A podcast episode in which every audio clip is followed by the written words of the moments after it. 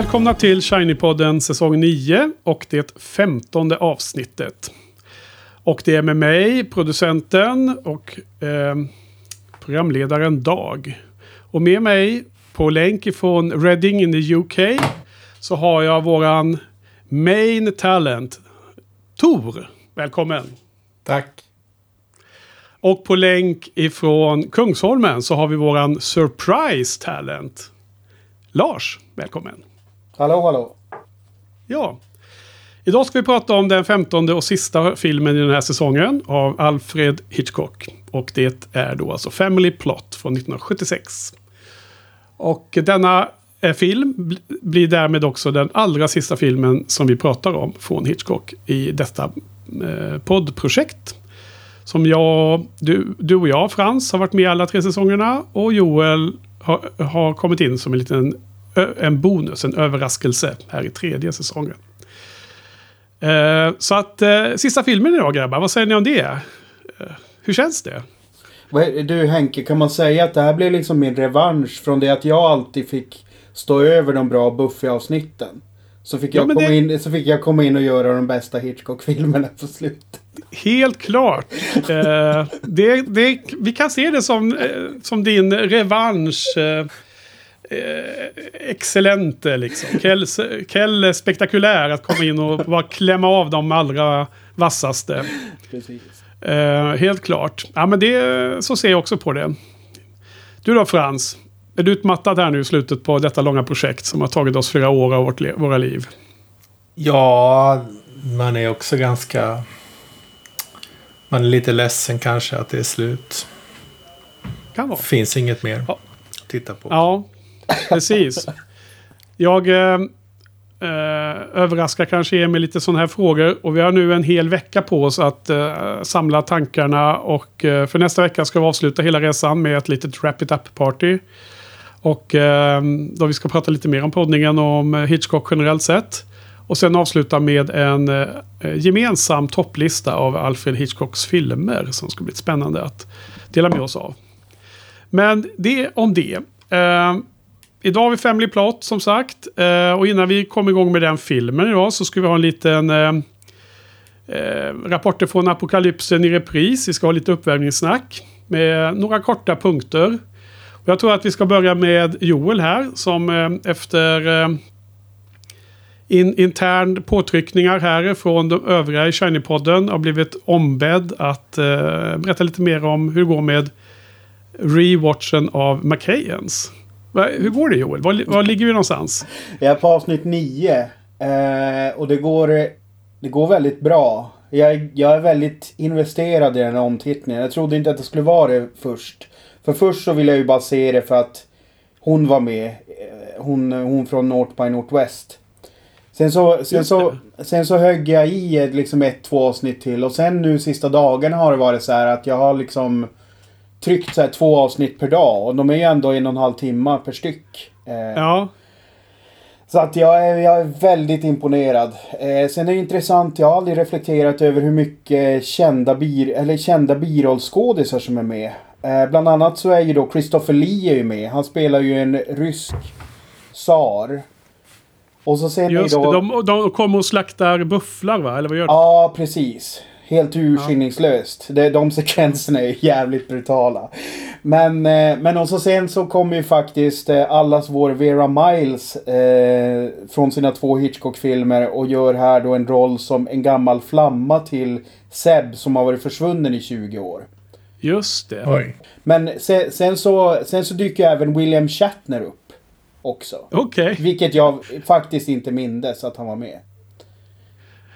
Ja, vad lustigt. Alltså Vera Miles från The Wrong Man och från Psycho spelar en av systrarna där. Mm. Och, och sen var det hon, eh, den kvinnliga Bond ifrån North by Northwest också. Eva Marie. Men det har vi redan kommenterat flera gånger va? Ja. Alltså det, är det är ju Eh, lustigt med Vera Miles för att hon, hon har ju verkligen åldrats. Minns inte exakt när McKayen är ifrån men det är väl från typ slutet av 70-talet eller mitten av 70-talet. Andra halvan av 70-talet. Ja. Men eh, det var ju inte så att jag kände igen henne. Det var ju via, via att det stod hennes namn och då kände jag ju igen henne för att hon har ju åldrats eh, Mm. jämfört med hur hon ser ut i Hitchcock-filmerna. Ja. Men, men det är ju alltså mitt, mitt generella intryck är ju fortfarande att det här är ju så jävla underskattat och att, och att liksom i, lite grann i svensk folkmun där nu ändå den här serien är överlägset populärast i hela världen så är det ju fortfarande att man dummar ner den till någon slags här eh, Seb-uppvisning. Liksom att det är så här macho, machomannen nummer ett. Liksom att det, det är det man förknippar serien med. Men den har ju sjukt eh, djupa, eh, djupare kvaliteter än så. Alltså vad gäller berättarmässigt och hur, hur välgjord den är. Liksom. Men Joel, det där påminner mig om eh, den här gamla Leone-filmen. Once upon a time in the West. Som, som på svenska har fått, känns som att den har fått ett liknande öde. Den svenska titeln har väl något med harmonika hämnaren så att det handlar om en, ja, om en hård uh, Charles Bronsons figur där får man intrycket av. Fast den egentligen handlar om hur, hur västern civiliserades av vanliga människor. I det, det här fallet med den här filmen av den här väldigt starka kvinnan från, från Florida som reser, reser på egen hand. Och, eh, mm, och bosätter sig där trots att hela hennes familj har slaktats av den onda järnvägs, det onda järnvägsimperiet. Så det, det, känns som att det är lite liknande det som du beskriver i McKayans där. Att man, man, man liksom, den allmänna intrycket av är att det, att det beskriver den här väldigt starka manliga karaktären fast i själva verket beskriver något helt annat. Ja, absolut. Nej men det kan jag hålla med om. Um, nu var det länge sedan jag såg Once upon a time in West men jag kände igen de vibbarna. Men jag tycker att det blir, det blir ju, just när man ser om det nu och liksom visst Seb är ju en jätteframstående karaktär i serien och det, det är klart att han är otroligt karismatisk och allt det där. Men det finns ju otroligt många mer bottnar och jag är så otroligt imponerad över hur de bygger upp eh, subplotsen som går mellan och, och, parallellt med varandra. För det, det finns liksom tre grundhandlingar. Dels är det när Seb är ute på sina egna äventyr själv. Och så är det då Luke, för att han är ju som du Henke förutspådde, han är ju fortfarande efterlyst. Fast sen det känns lite så här, det känns lite konstruerat. Så han har ju ofta sin egen handling. Och så sen har vi då fam familjen tillbaka på, på gården som det också kretsar kring. Och ibland kan det ju gå 40-50 minuter när man inte återvänder till en av de andra för att de andra två är mycket mer spännande. De har en jävla skön rytm i det där. Att, att det blir liksom inte... Det är liksom den handlingen som kräver attention är den som får attention. Och så sen så har man, men de glömmer aldrig av varandra och de krokar i varandra på ett jävligt snyggt sätt. Det är flera utav de här... Um, jag såg idag det här fantastiska avsnittet när eh, Seb går emot familjens vilja och tar Jessie till indianerna för att de ska rädda henne från de här bisticken som hon har fått. För hon får ju allergiska Just det, reaktioner. Det, det är den yngsta dottern, ja. eller systern. Precis, så att hela familjen är ju tok emot att han ska ta henne dit. För att rädda som någon medicinman eller häxdoktor som den här Josh påstår liksom. Så han, han tar ju henne mot deras Jävla vilja. är Josh ja, ja, alltså det, det, det är en karaktär vi kan snacka om. Men vad heter det? Eh, så att han tar ju henne till indianerna mot deras vilja. Eh, och naturligtvis så räddas hon ju utav dem då. Ja. Och det finns dels finns det jättemycket intressant dialog där. Där, där de bland annat sitter och väntar då och, och och så börjar de snacka om det här med gudar och sånt. Och så säger de, säger de så här, ja nu är det upp till indianernas gudar och fixa henne eller något sånt där. Och så, och så säger Seb, ja men vi, vi tror väl alla på samma sak eller något sånt där. Det var bara så intressant att det var liksom en... Liksom som att han inte gjorde någon skillnad. Jag tyckte det var lite intressant för en sån gammal serie att ha den typen av tänk. Men sen, sen så var det ju bara... Hela uppbyggnaden kring det här har ju då gjort sitt två två led innan. När Seb har försökt lösa den här konflikten med Christopher Lee eh, och ryssarna som då kommer och stör indianerna. Så att det här hänger ju liksom ihop. Så att det är så otroligt välskrivet. Och det är därför jag jo. känner, det är därför jag säger att det är liksom eh, The Wire i vilda västern på 70-talet. Mm. Typ. Ja, och det är så lustigt för att eh, jag vet inte hur det är med dig Frans, men jag har ju verkligen inte sett om den här serien sedan jag såg den på SVT på 70-talet. Och ändå kan man nästan vara med och diskutera de här avsnitten med Joel. För jag kommer ihåg den här sekvensen. Jag, kommer, jag kan se, nästan se det framför mig. Och eh, jag kommer ihåg karaktärerna så väl och hur de var och hur man tänkte om dem och sådär. Så att det är, en, det är fascinerande hur den här liksom... Eh, vissa sådana serier som man såg när man var ung kan verkligen sätta sig så i ryggmärgen. I alla fall för, för mig då i det här fallet. Okej, okay, ja, men det var kul att höra. Eh, man blir ju mer och mer sugen på det. kanske blir en sån här sommarprojekt att eh, kolla sig igenom en sån där gammal serie. Vi får se. Blir du sugen på att se om det Frans? Eh, ja, det var inte så länge sedan jag såg den. Finns ju på Amazon. Så det, Jaha, du har redan sett om den? Det är lätt, lätt ja, tillgänglig. Mm, trevligt. Och då har de, har de den som streaming alltså? Ja, i alla fall första, första det som du refererar till som miniserien va? Ja. Mm. Ja. ja, men låt oss gå vidare då. Eh, innan vi startade avsnittet här så eh, sa vi att vi skulle ha ett uppvärmningssnack. Och, och då så eh, fick jag propåer här från dig Frans. Eh, med glimten i ögat eh, såg jag mycket tydligt att du tyckte jag skulle uppdatera lite om Wheel of Time. Och jag, jag kastar mig på den uppmaningen utan någon tvekan. Det är, det är något jag alltid vill prata om såklart. Eh, säger jag också med en del glimten i ögat och förstår att eh, lyssnarna kanske är helt uttjatade på detta nu. Eh, och jag har faktiskt inte så mycket nyheter att säga om tv-serien. Eh, vi väntar fortfarande på första trailern och vi väntar, alltså riktiga trailern, långa trailer från, med massor med clips ifrån eh, slutproduktionen. Och dessutom eh, väntar vi på eh, premiärdatum såklart. Det är de stora nyheterna som skulle komma någon gång. Men jag har ju i min reread kommit nu fram till eh, den första av de tre böcker som en annan författare fick skriva klart sagan. Eftersom eh, Robert Jordan gick ur tiden. 2007 eller vad det var. Och eh, Robert Jordan, eh, för de som inte känner till storyn, eh, hade ju skrivit ner massor med notes och talat in på tal på, på tapes. Och, ja, han hade ju två assistenter och så hade han ju sin fru och också editor på bokförlaget. Så alla de här hade ju massor material. Och efter han gick ur tiden så valde eh, Harriet då som eh, Robert Jordans fru heter. Hon lever fortfarande. En gammal eh, dam med vitt hår som bor i South Carolina tror jag hon bor för övrigt. Um, då valde hon ju Brandon Sanderson, en vid den tiden ung och okänd fantasyförfattare. Uh, och han skrev ju då klart sagan och det blev tre tjocka böcker. Och när jag läste dem för många år sedan då när de var nya där runt 9, 10, 11, 12 någonting. Då, då tänkte inte jag på det här problemet som har uppmärksammats bland fansen. Nämligen att eh, Brandon Sanderson träffade rätt med tonaliteten med väldigt många karaktärer. Men i den första av hans tre avslutande böcker så misslyckades han rejält med en av karaktärerna. Och det var någonting som jag inte kommer ihåg att jag tänkte på. Men, men nu då min reread och efter att ha läst på forum och sånt så är jag ju mycket så hyper-aware. Och kan ju då till min sorg konstatera att det är en rejäl tonalitetsskillnad på en karaktär. En viktig karaktär då.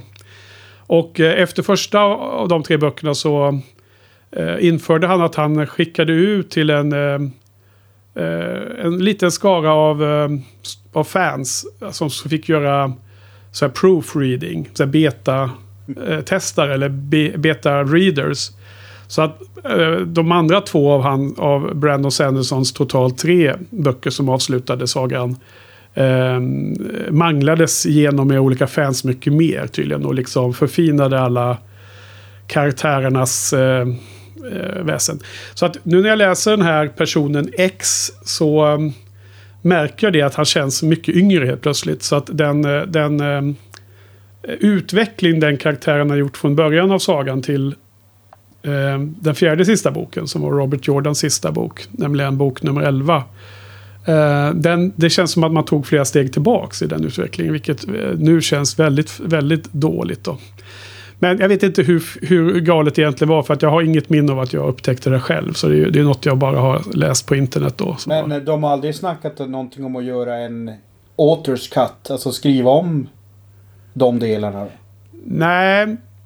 Eh, det har jag verkligen inte hört. Eh, däremot så har jag hört att det är väldigt många som vill att eh, Brandon Sanderson med hjälp av eh, Robert Jordans två assistenter och eh, frun då, då änkan, skulle ju skriva mer. Och, alltså en epilog med vad hände sen och så.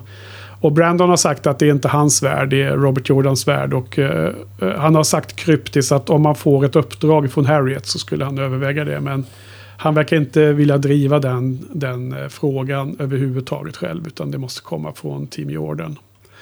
Eh, och jag tror inte att det är aktuellt att skriva om det. det, det alltså, det här kommer jag att tänka på Game of Thrones, vilket jäkla mess de har hamnat i när tv-serien gjorde klart sagan innan författaren var klar med sitt. Och hålla på att skriva om eh, de sista böckerna i en sån här serie när det redan finns ett slut. Som, alltså, grejen är att eh, Sandensons böcker är ju otroligt bra.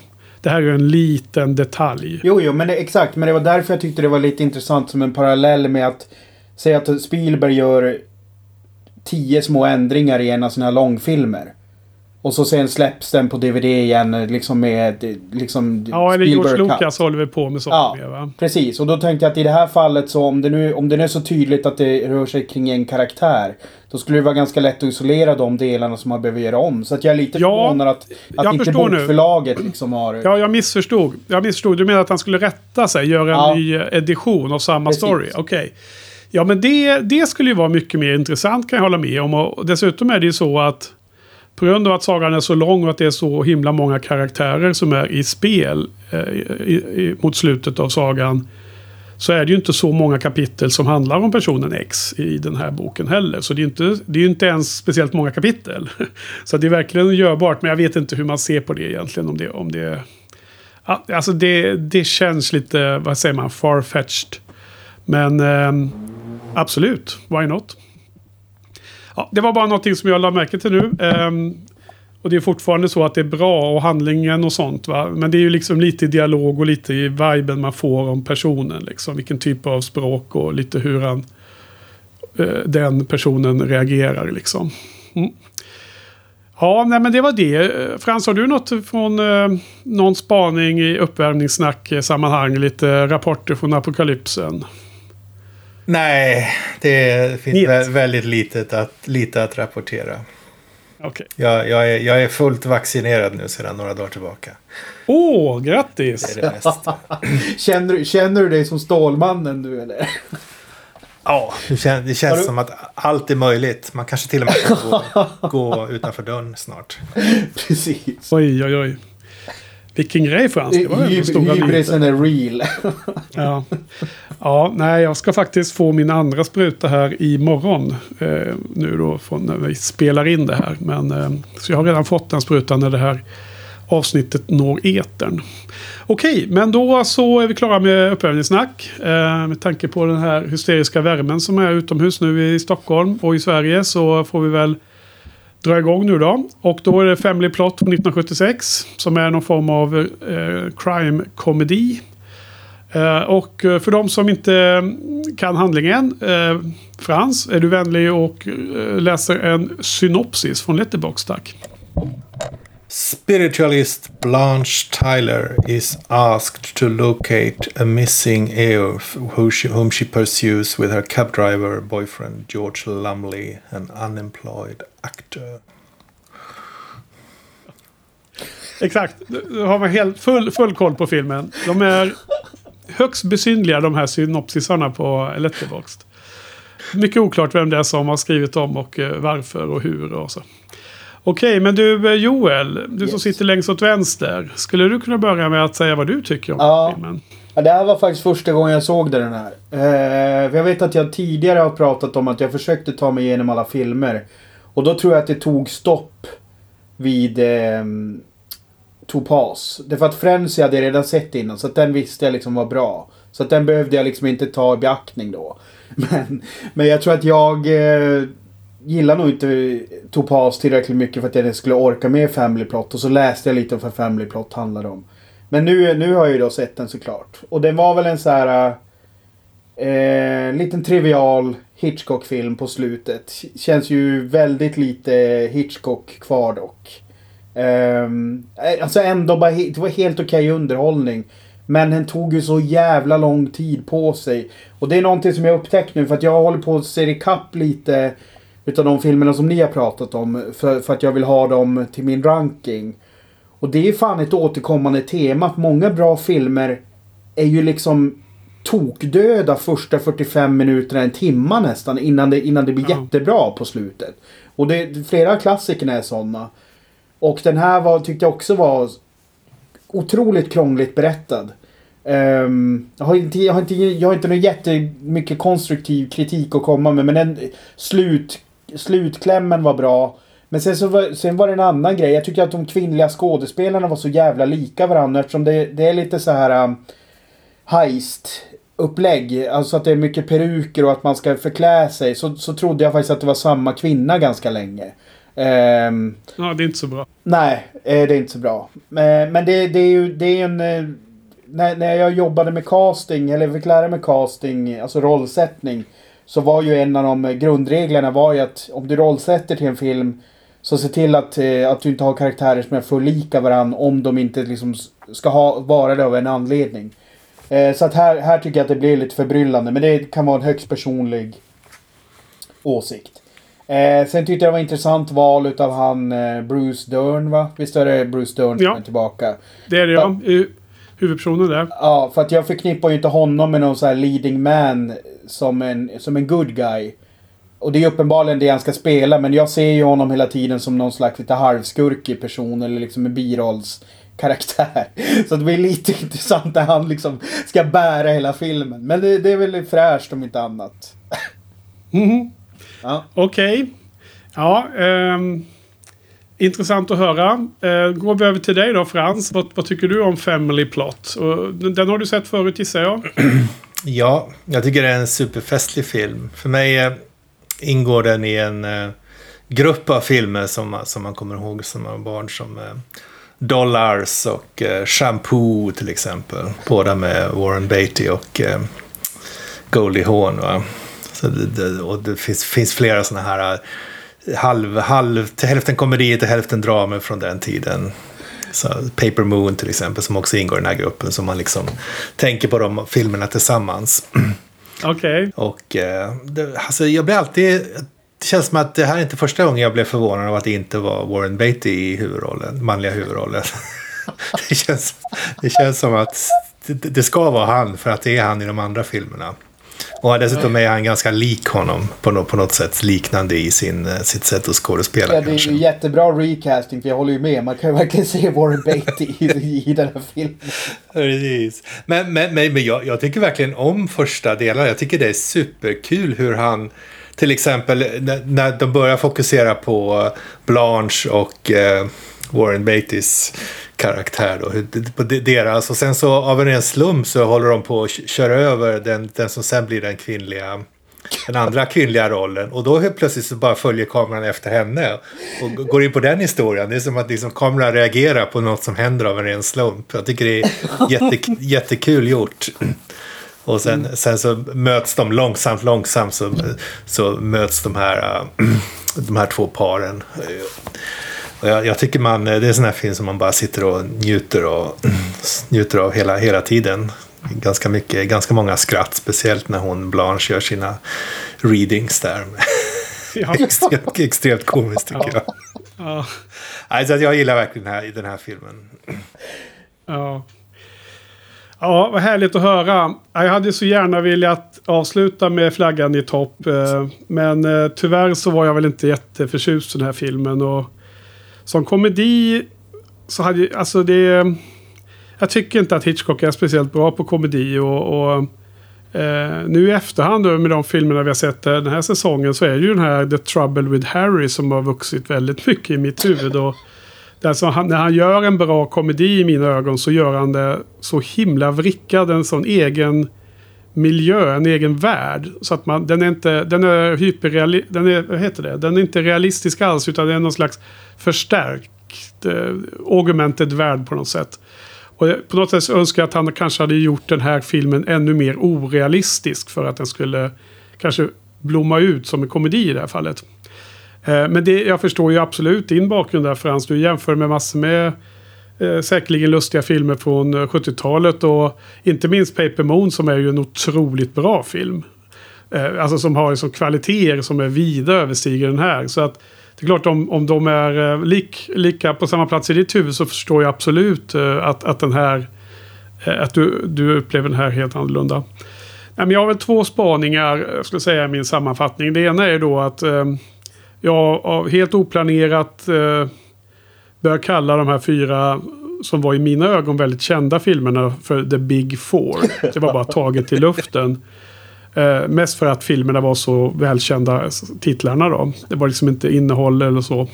Men sen visade det sig att det blev ju lite som man kunde ha fruktat att jag kan nog redan nu summera att de fem filmer vi har sett efter The Birds, som var den fjärde av de fyra, så tycker jag att Hitchcock har bara gjort eh, svagare filmer och visat gång efter annan att han har helt tappat eh, eh, styrseln. Liksom. Det, det, är som att han gör, gör fel beslut medan han tidigare i karriären gjorde rätt beslut hela tiden. Det, det är som att man jagar sitt, sin egen eh, eh, per, eh, publika persona och försöker återupprepa sina Fast det, jag, håller, jag håller faktiskt inte med om det. Nej. Jag tycker snarare att de filmerna som kommer efter The Big Four snarare att han försöker att inte kopiera sig själv. För man tänker Marnie är ju liksom, det är ju som en von Trier-film på 70-talet typ. Eh, ja. Friend, eh, Frenzy är ju som bara värsta jävla slashern liksom. Alltså den, den är, alltså den är slashig på ett annat sätt än vad Psycho var. Alltså den kändes bara så ja. jävla mörk och grov. Och så sen... Kall. Ja, precis. Kall. Och Topaz var ju liksom... Där kändes det som att han, han måste verkligen ha älskat boken och kände att okej, okay, här ska inte jag göra så mycket. Här ska jag liksom bara ställa upp det. Jag ska inte sätta så mycket av min egen prägel på det. Utan liksom försökte göra liksom en mer bara en, en avfilmning utav en bra bok. Får jag nästan känslan av. Um, för jag, det är något, alltså, sen reagerar jag också på att castingen har förändrats. Och det berättar jag inte beror på om hans status har förändrats. Men... Nej, men, nej, men alltså. Det, det jag har tolkat in i detta som... Eh, det är kul att du eh, utmanar lite. Men alltså jag ser det som att han, han blev antagligen extremt eh, äggad av eh, publik och kritikers jubel av de steg han tog med thriller-formatet med Psycho. Och där han också hade gått in all in med, med egen ekonomi och allting. Och allting lyckades. Och sen tror jag att han i vissa av de här filmerna, de du nämnde där, så ville han ta det ett steg till för att uppnå samma typ av chockeffekt. Som han fick i, i Psycho. Men han hade inte rätt finess längre. Han gjorde dem kalla och hemska istället för exalterande och smarta och, och, och bra filmer. Är min uppfattning.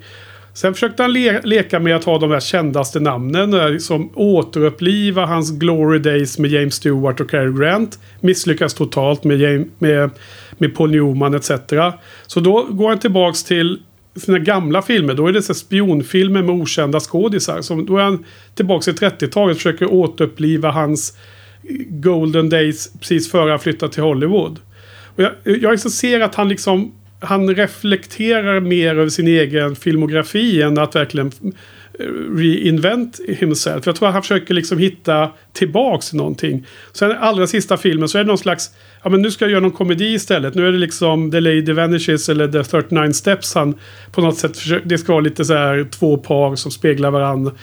Det, det, på pappret kanske bra men jag tycker det blir liksom inte samma klass som de filmerna som man tycker man kommer ihåg nu efter att jag och Frans som har nu tittat igenom 47 Hitchcock-filmer. Och då är det några som sticker ut liksom i minnet. Och det är väl de som har bäst kvaliteter i sig. Och jag känner att de här Final Five, som vi då kan kalla dem, blev inte liksom eh, plaggan i topp för mig. Men jag är jätteglad för att ni gillar det mer. För att då blir det mycket mer dynamik i, i liksom utfallet här inom eh, panelen här på Shiny-podden. Ja, Eh, så jag är hemskt ledsen att behöva stå för den här lite neggiga buttra. Och på tal om det så är, är det då att komma in på det andra spaning som jag hade. Och det är just om skådespelarna då. Alltså jag, jag, jag, jag, tyckte att båda de här paren så är det en av parens manliga skådespelare tycker jag var ljuvlig att se. Och den andra hatar jag närmast. Och en av de två kvinnliga skådespelerskorna tyckte jag var ljuvlig att se. Och den andra tyckte jag var jättedålig. Så av de två kvinnliga karaktärerna, skådespelarna, vilken tror ni att jag gillade mest? Det måste väl vara Blanche ändå? Självklart. Blanche var ju helt underbar. Hon var jätterolig. Hon var rolig som en... Eh, det blev som ett skämt. Men det var också ett skämt som återupprepades tre, fyra gånger i filmen. Men hela hennes... Hennes... Eh, aning, lite naiva och aningslösa men samtidigt street smarta Conwoman tyckte jag var ganska härligt genomförd. Vilken av eh, de manliga figurerna i de här två paren tror ni att jag gillade och, och vilken tror ni att jag inte gillade? Ed, jag tror du gillade Eddie Shoestring eller vad han hette. Ja, ja, absolut. Absolut. Och jag var så ganska länge osäker på vilka som var huvudpersonerna. Och sen har jag ju läst mig till att alla skriver att det är så självklart att eh, den här eh, Bruce Derns eh, karaktär då, som, vad heter han i den här filmen egentligen? Den här... Eh, George Lumley tror jag jag läste i. George ja, Lumley, precis. Eh, han, jag tycker han är vidrig som skådespelare och det, det, det sätter honom direkt väldigt dåligt dager. Och den här skådespelaren har ju gjort hysteriskt många filmer. Men han blev ganska omtalad här på 2010-talet då, nämligen 2013 när han spelar huvudrollen som en gammal extremt elak person. Um, som heter, den filmen heter Nebraska. Eh, och det var mycket snack om den inom eh, filmbloggarkretsarna här och den gick på filmfestivalen och så.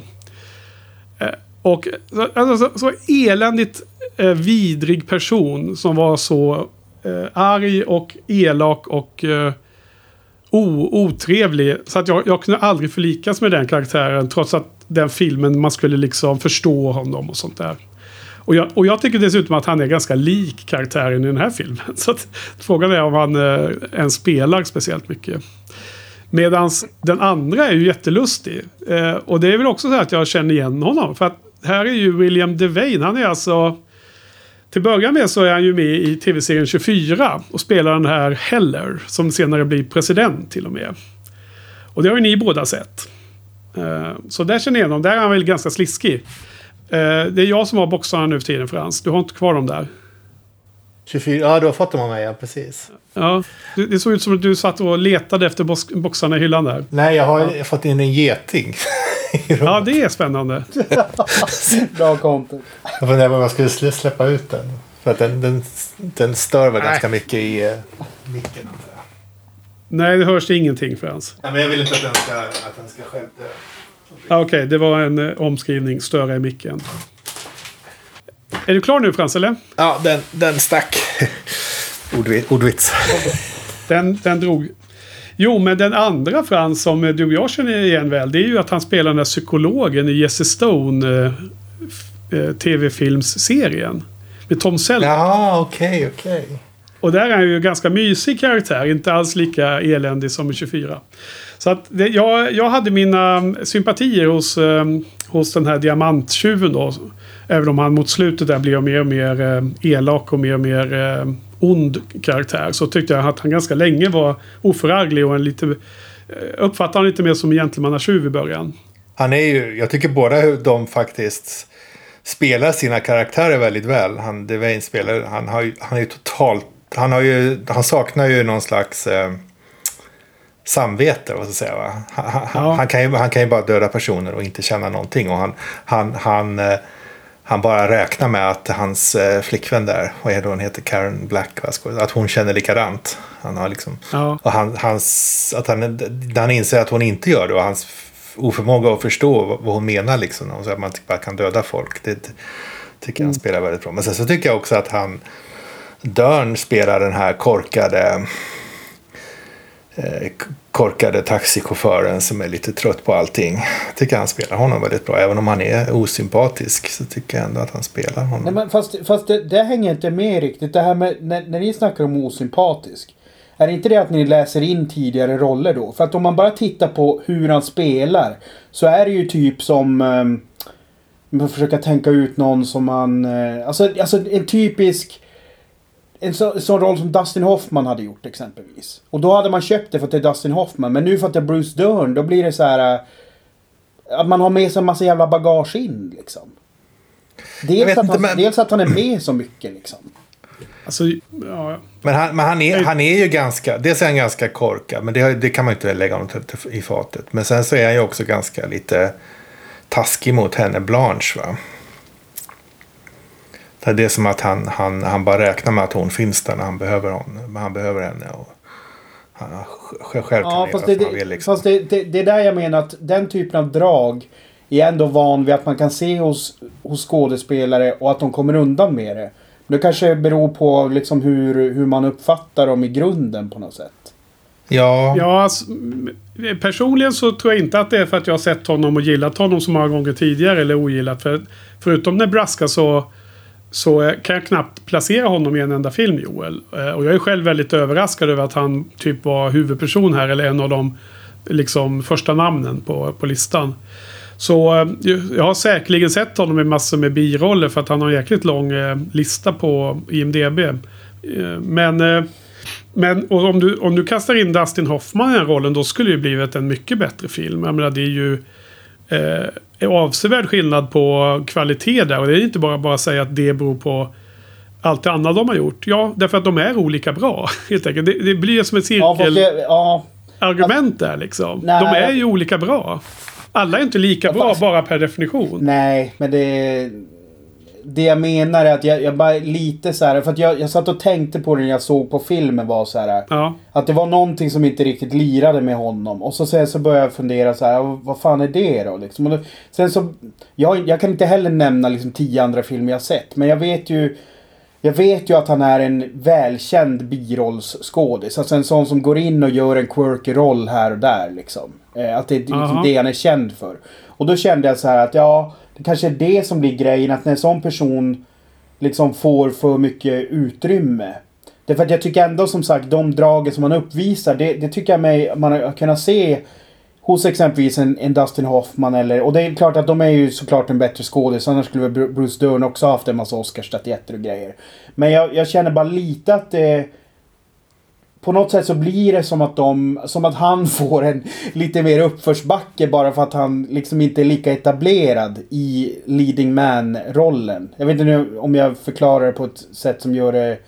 Ja, Förståeligt. alltså jag, jag tror att du kanske förklarar det så att men det betyder, men det betyder inte att man måste hålla med i Nej. din analys. Ehm, nej men det har väl blivit uh, befordrad upp till sin inkompetensnivå när han då skulle vara en leading man. Het. Han kanske var en birollstyp. Mm. Ehm, men, men jag gillar inte hans eh, energi. Jag gillar inte hans stil. Ehm, det kanske inte är så att den här karaktären på pappret är skriven som den mest eländiga och ehm, eh, irriterande typen. Men när han spelar honom så blir han det i mina ögon. Och jag är tämligen översäker på, är tämligen övertygad om att om det varit eh, fem andra skådespelare som fått chansen att spela samma roll så har det blivit olika utfall. Det är liksom ganska troligt. Och jag tror att eh, det kunde funnits mycket bättre alternativ för Hitchcock att ha med här. Warren, Warren Beatty till exempel.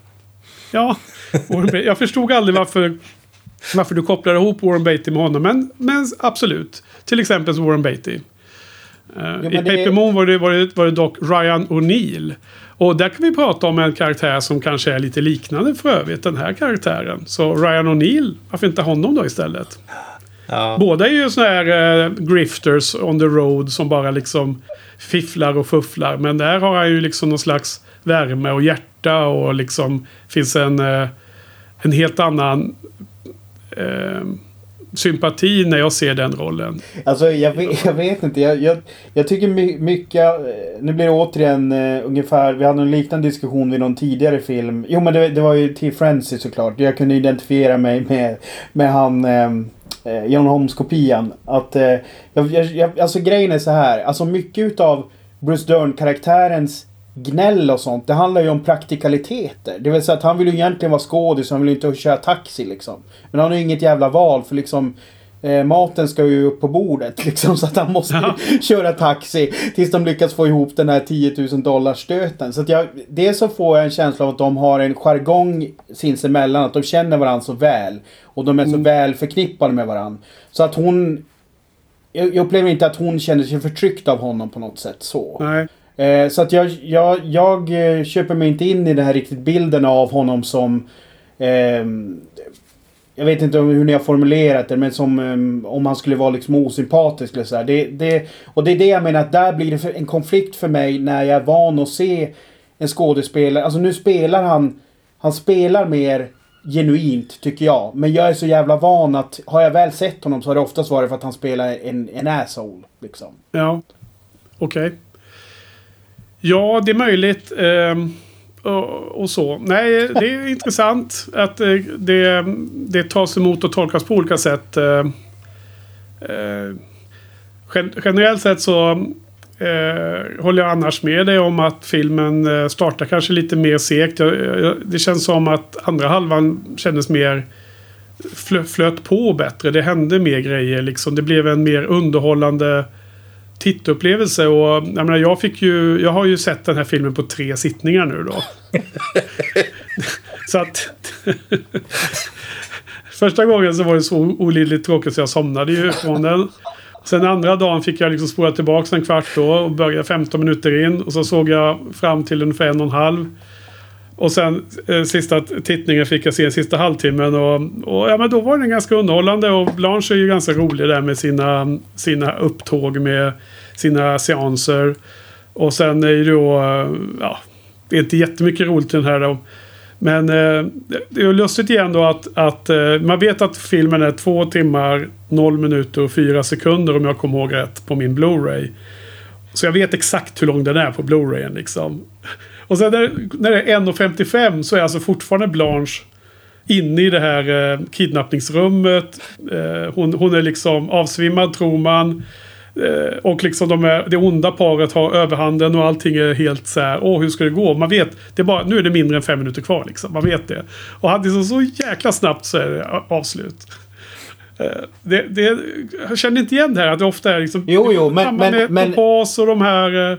De här filmerna. Att det är liksom precis mot slutet så händer allting de sista två minuterna. Så är det bara the end och sen slut. Inga eftertexter, ingenting. Ja, det, det är sant. Nej. Det är något vi har kommenterat ganska ofta och skrattat åt. Även i tidigare, ja, tidigare säsonger. Svårt att inte kommentera det. Jo, men alltså här, jag tyckte det bara var otroligt väl utfört. För jag gillar verkligen enkelheten i att de kommer på det här att ja, men om du står bak i dörren eller du gömmer dig där utanför och så låtsas jag vara avsvimmad. Sen så när båda de är här inne. Då ser jag till att chocka dem och så att jag tar mig ut och du stänger in dem. Ja. Alltså för att jag satt ju själv och tänkte så här, men hur fan ska de lösa det här nu då? Och sen när det där hände, det var ju den ultimata lösningen. Så jag tyckte den var så jävla bra bookend på det. Liksom. Men angående det där att du tyckte att filmen skulle vara lite mer eh, utflippad. Jag tyckte de sista två minuterna där, och hon blev synsk på riktigt då. Det var ju lite sådana vibbar. ja, nej, det var ju bara ett skämt. Hon blinkade ju till oss där. Hon visste ju vad det var. Jaha, det missade jag. Eller, eller hur? Så, så blinkade hon ju bara till oss. Hon, hon lurar ju sin korkade boyfriend att han ska tro att hon är synsk. Fan, nu blir det ju ännu, nu växer det nu. Nu är det ett betygssnäpp till för mig. det missade jag helt. Eller vad säger du Frans? Jo, jo, det är ju, det är ju toppen, en toppenscen av Hitchcock när hon, när hon blinkar med vänstra ögat här på slutet. Eller högra ögat. Ja, ja, och det är liksom det allra sista han gjorde då. Det är ju sista, eh, det är som en blinkning. Jag vet inte om han blinkar till oss också att ja, nu är det over. The, the, the, the show is over. Det är så man signar off efter en 55-årig filmkarriär. Ja, precis. Um, för övrigt var det ju en uh, lite annorlunda cameo den här gången. Som jag antar att ni la märke till och såg, eller? Ja. Jag minns den inte nu, men säg vilken, hur var den? Frans? Den, den, var väl på, den var på någon sån där Birth and uh, Death Registrar. Va? Och man, så, man såg Hitchcock i profil bakom en glasdörr. Va? Ja, precis. Man såg skuggan i profilen, den där klassiska eh, ikoniska profilen som var från hans tv-serie. Äh. Som han har ritat ju själv där. Det används ju på en del sådana där Blu-ray-boxar och sånt. En sån här mm, Collection Volume 1 och 2 och sådär. Ja, men så den var ju trevlig. Eh, Ja, men alltså det fanns ju en del, eh, en del grejer som, som var lite bättre. Eh, och några som var lite sämre. Men eh, över, överlag så var jag inte jätteförtjust som lyssnarna har förstått. Vad, vad tyckte ni om den här spektakulära Fast and the Furious-scenen då? Med den här bilen som blir äh, den, här, den här skurken som också var en sån här, sån där äh, som alltid spelar skurkar och biroller. Det, han är någon känd skådis som var den här äh, mekanikern som fixar med bromsarna. Eh, sen åkte de ju ner i den här backen från det berget och gick ju fortare och fortare. Det var väl, var det spännande eller? Kände ni någon, mm. blir ni exalterade? Fasansfullt spännande. Ja, men så jävla os Det är så jävla inte spännande det kan bli. Fast, det, fast jag vet inte. Där, där är jag nog... Eh, jag är nog eh, tillverkad på något annat sätt. där. För att jag, alltså spontant så...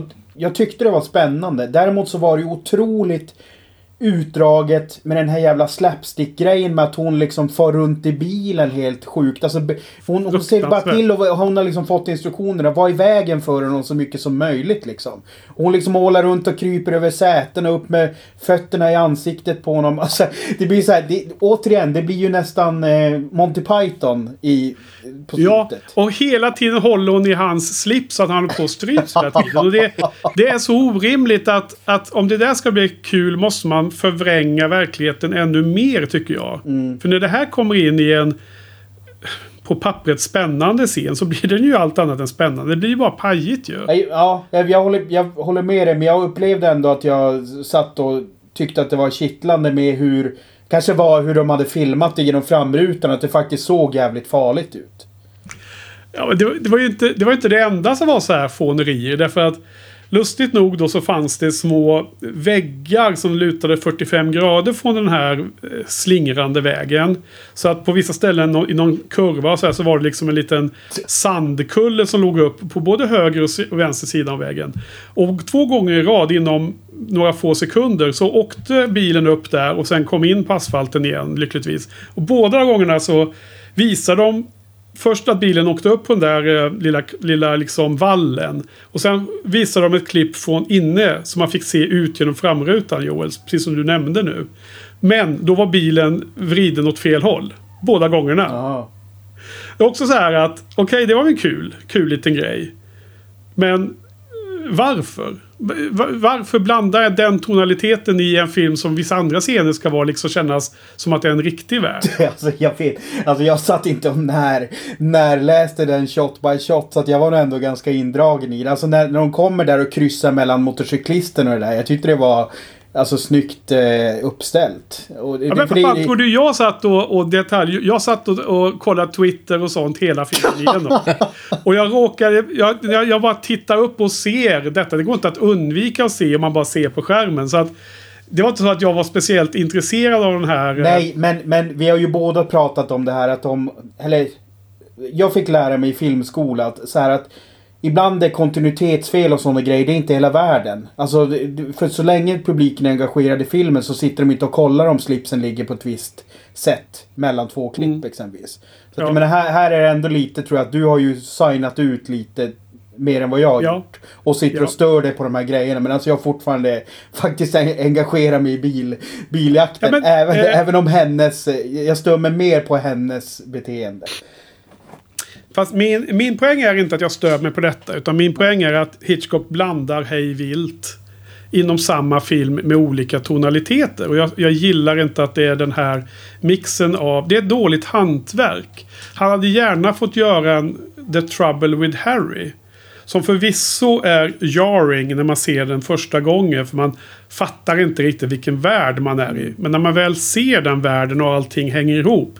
Så blir den mycket bättre den filmen när det hänger ihop. Vad jag säger nu är inte att det var absolut fel att göra det här skiftet med de här eh, vinklarna. Men man ska göra det i en sån film där det passar och inte en annan film. Det är min poäng i det här fallet. Och det var lite så att när vi poddade om, om eh, Bond så var det ju liksom ett sånt kontinuitetsfilm i Diamonds Are Forever i Las Vegas. När Bond åker upp med bilen på två hjul och kommer också så här 45 grader. Och, och det är en värld där sådana där pajiga saker inte passar in. Och därmed blev ju det en grej i Bond. De till och med försökte spela in det igen med någon fransk crew och så funkar inte det. Och då fick de ju klippa och göra någon ljudeffekt då, som att bilen har landat och sen kommer upp på de andra två hjulen. Eftersom den kom ju ut på, på andra sidan i Bondfallet. Så där har man till och med gjort en hel... Eh, försökte rädda situationen. Men i den här filmen så görs det bara som många andra saker görs. Och så är det bara helt hull om buller. Det är som en mm. mischmasch av olika... Jo, jo, men absolut. Nej, men jag kan ju ge det att det känns ju inte som att... Om, om, man, om vi har tidigare pratat om liksom en liksom, eh, perfektionist ut i fingerspetsarna så är det ju inte det vi ser här. Utan här är det ju en snubbe som vill få ihop en film. Här, Och ja, och mi- min, min tolkning blir att det här är en gubbe som drömmer om forna stor, stordåd. Och jag tänker att han borde ha satt sig ner och tittat på sin egen film Shadow of Doubt till, till exempel. Och sagt att nu ska jag göra en riktig film här som, först, som sista. Eller hur? Jag menar, vilken, vilken extrem skillnad i level. Ja, men eh, den, den har jag ju faktiskt sett. Den såg jag för några dagar sedan. Den hade ju också väldiga problem i början. Den var ju otroligt seg i början. Men räddas ju av fantastiska sista 40 minuterna typ. Ja, jag tog det exemplet nu för jag vet att du ut, Ja. uttryckte belåtenhet Ja. på Messenger här till oss. Nej men, nej, men alltså... det skulle vara ett bra exempel att, eh, att ge, exemplifiera min Ja. med. Ge- grejen är så här, jag, jag ser det nog lite som att... Jag, jag, om, jag, nu- om jag nu får vara lite hobbypsykolog här så tror jag inte riktigt att... Jag tror att Hitchcock var på en sån nivå så att han kände inte att det här var hans sista film. Så jag tror inte att han kände, du vet, att han behövde jaga... Eh, jag tror att han fortfarande kände att han personligen själv kände att han hade mer att ge och därav så, så körde han på det här det som jag uppfattar som en ny formula på slutet. Där han försökte göra filmer som kanske var lite, du vet att han ville passa på att göra eh, men det blir ju inte så lyckat kanske. Men att han kanske ville variera sig på slutet. Och inte, hade han vetat att det var hans sista film kanske han hade betett sig annorlunda. eh, Eventuellt också. Men jag, jag får ändå känslan av att han, han känns väldigt oväntat eh, hur ska man säga det, livfull i de här sista filmerna. På ett sätt som jag Mm. kanske inte riktigt har sett innan. Eh, där jag kände att han på något sätt inte låste sig vid de här tidigare filmerna ändå. Men det är, vi, vi kanske tolkar det olika där. Eh, Eh, Frans, du är tyst här nu och sitter och funderar. Vad, vad säger du om våran eh, battle här mellan mig och Joel angående denna film?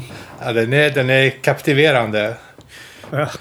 Men jag vet inte, Ja. jag, jag, jag, jag gillar de här hyssen. Jag, jag stör mig inte på att de är, bryter mot, någon, eh, mot något tonläge i filmen. Jag tycker bara att de är, att de är lustiga.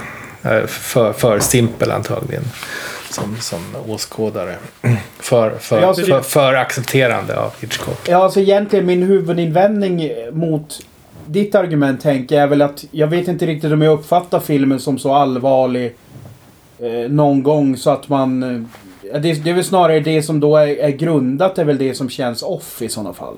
För att det är mycket mindre av det. Ja, nej men det håller jag med om. Eh, men jag uppfattade uppfattar det som att ni båda rycktes med i att det var en spännande scen och då, då var det mitt exempel. här. Men jag håller med om att den är ju mer en eh, så här svart komedi än en, en, en spänningsthriller. Det håller jag med om Joel. Men, men det var just i, i fallet med den här actionscenen, eller vad man nu ska kalla den, bil, bilscenen nerför berget så var det det var specifikt för den sekvensen som jag lyfte den. Ja, eh, han, han dog ju fyra år efter den här filmen då, 1980. Så att eh, det är mycket möjligt att han hade fler filmer i huvudet som han ville göra. Men att ja, det liksom tiden tog slut då. Eh, Såklart. Eh, jo, Men det finns väl det finns en, en scen som man kan lyfta som är, känns så typisk Hitchcock. Det är när han är på kyrkogården där och letar efter Eddie Shoestring eller vad han heter. Och han, han går runt och tittar på gravarna. Så ser man i bakgrunden hur bara helt plötsligt någon som, någon som kommer upp ur en grav. ja.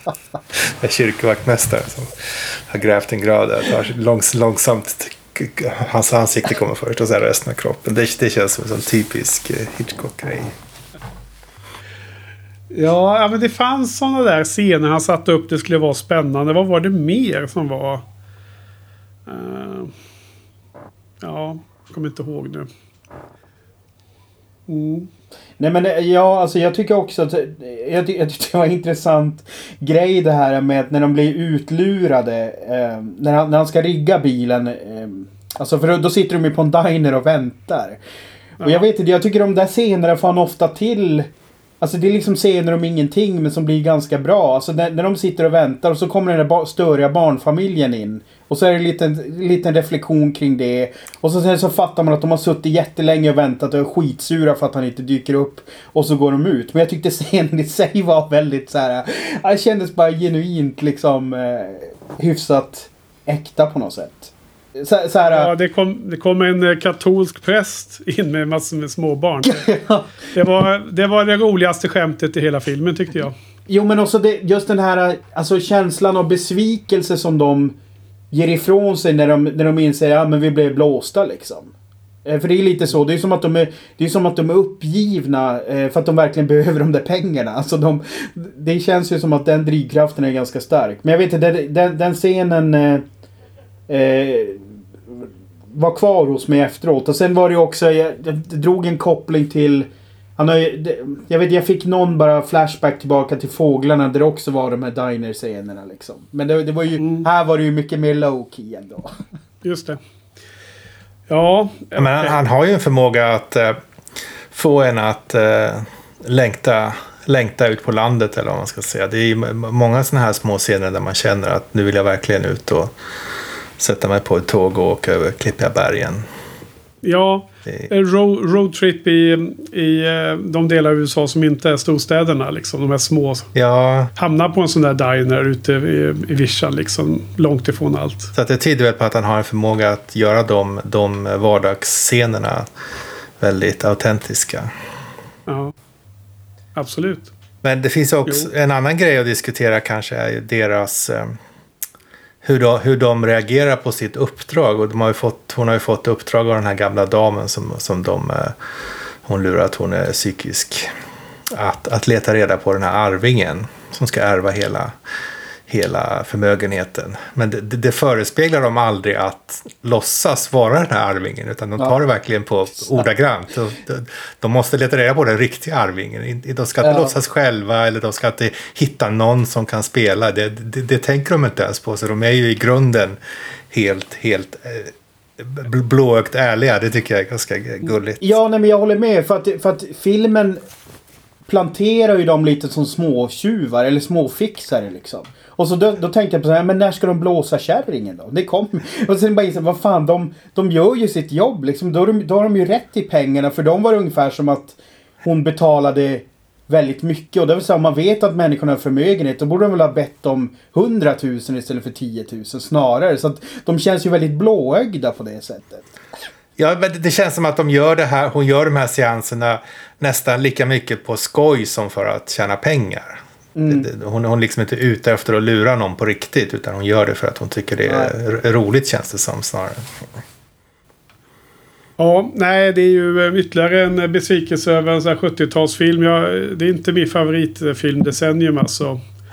Eh, Jag tycker att det är mycket i det här eh, stilen av de filmerna som inte jag riktigt tycker är supernice.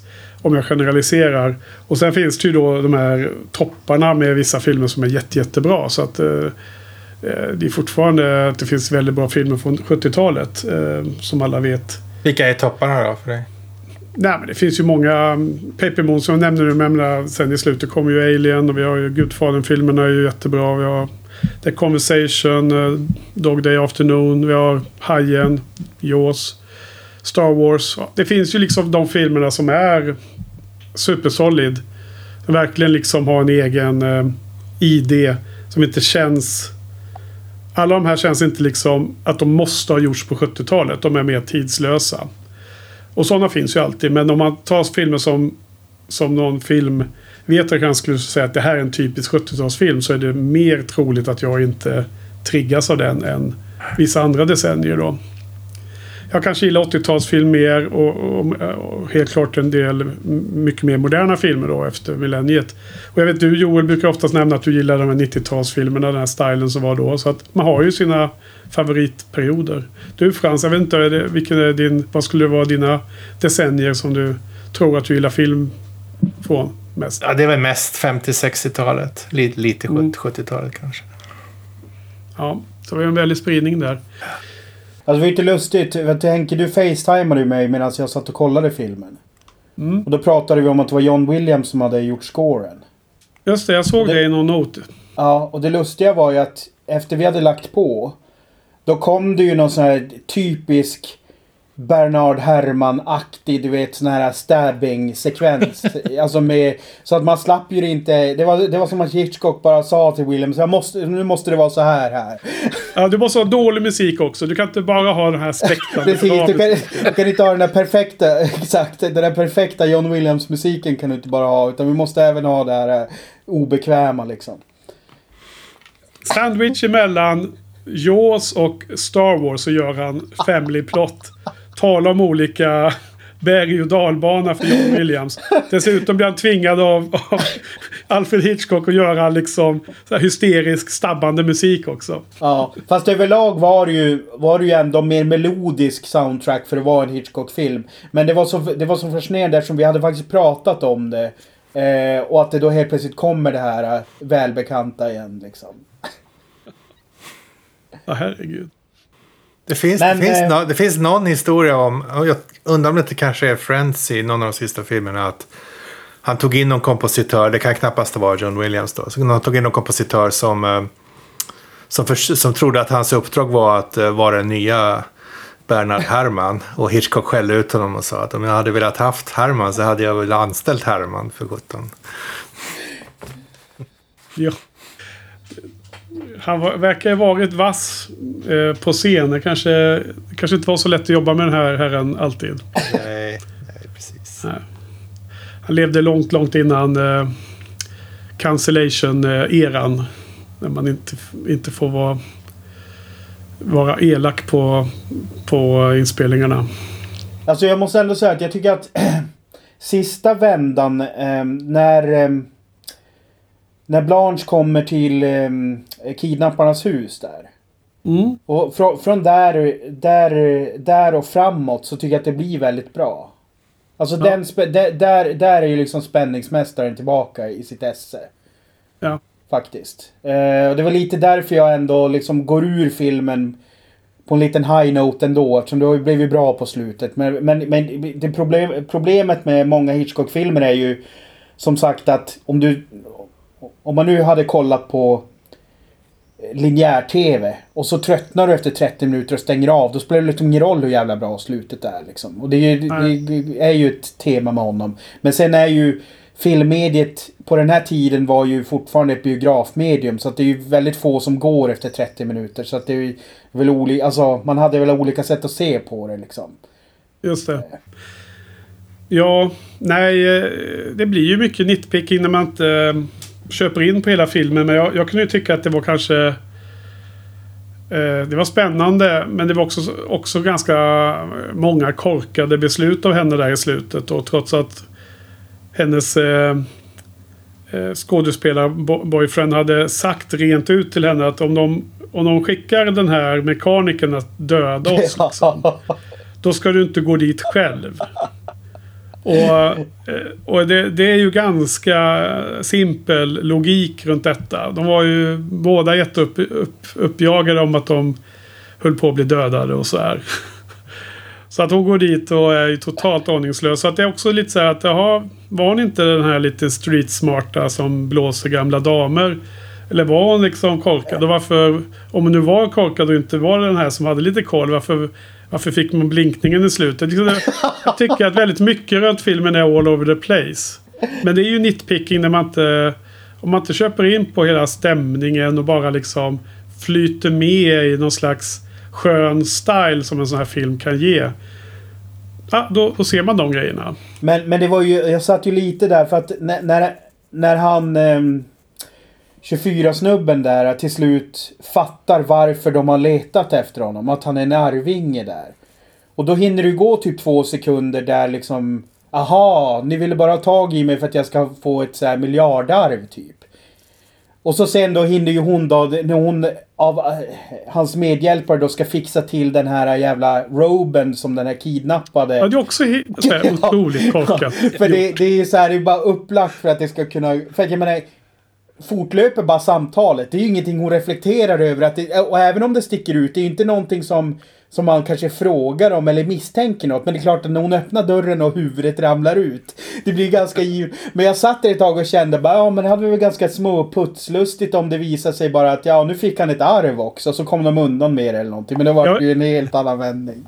Så, så i, i, den, i den sekvensen så har han då i den tidens pengar mått mätt typ ett miljardarv. Men istället så begår han ett, ett mord och sen så har han ingen chans. Han vet ju inte ens... Alltså hur ska han kunna få det sen efter det? Går det ens eller?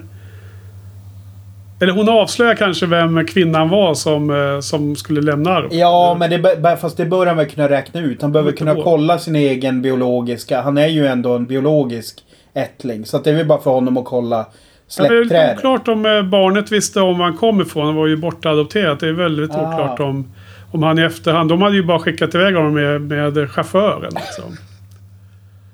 Ja, ja. Ja. Skitsamma. Det, det var, jag, jag, jag tyckte att det var... Det fanns spänning i den scenen. Det, det köper jag absolut. Bra mycket mer än exempelvis bil, eh, bilscenen på berget. Mm. Men jag tycker fortfarande att det var väldigt otillfredsställande slut på den här, den här sagan. Jag menar om man jämför med The Trouble with Harry så tyckte jag den var mycket mer... Eh, höll, hängde ihop och gav en, en större tillfredsställelse i, som helhet i filmen då.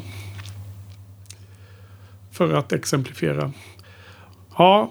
ehm, nej men okej. Men eh, då, ni är två mot en i detta. Ni hyllar den. är det Bra, bra film. vill- villkorslös hyllning? Nej, inte Ja. direkt. Ja.